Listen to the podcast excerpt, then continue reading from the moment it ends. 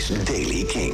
Vandaag is een zonnige en droge dag. In het zuidoosten begint die grijs. In de loop van de middag krijg je juist het noorden te maken met bewolking. En het wordt eh, niet zo heel warm, zo'n 8 graden vandaag. Nieuws over Oasis en Marilyn Manson. Dit is de Daily Kink van maandag 22 november. Michiel Veenstra. Het is bijna niet meer te doen hè, om je te abonneren op alle streamingdiensten die er maar zijn. Dat moet een beetje de gedachte zijn geweest bij Oasis.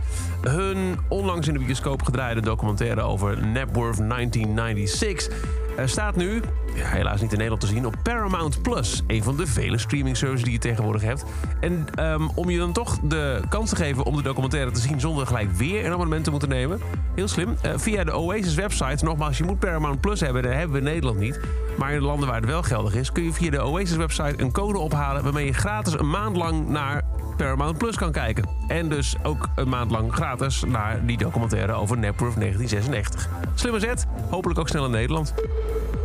Marilyn Manson staat open voor een schikking. In dit geval in een van de vele zaken die tegen hem zijn aangespannen. Eh, in, met een naamloze ex-vriendin die beweert dat hij haar in 2011 heeft verkracht.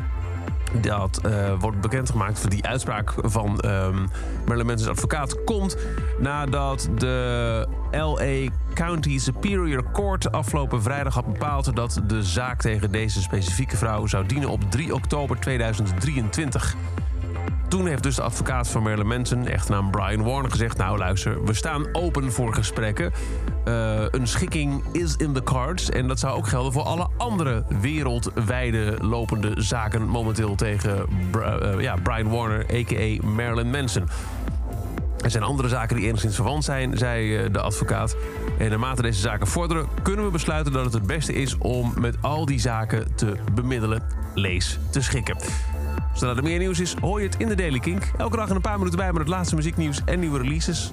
Luister dag in dag uit naar de Daily Kink via de Kink-app, kink.nl of waar je ook maar podcast luistert. En voor meer muzieknieuws en nieuwe releases luister je s'avonds om 7 uur op Kink naar Kink in Touch.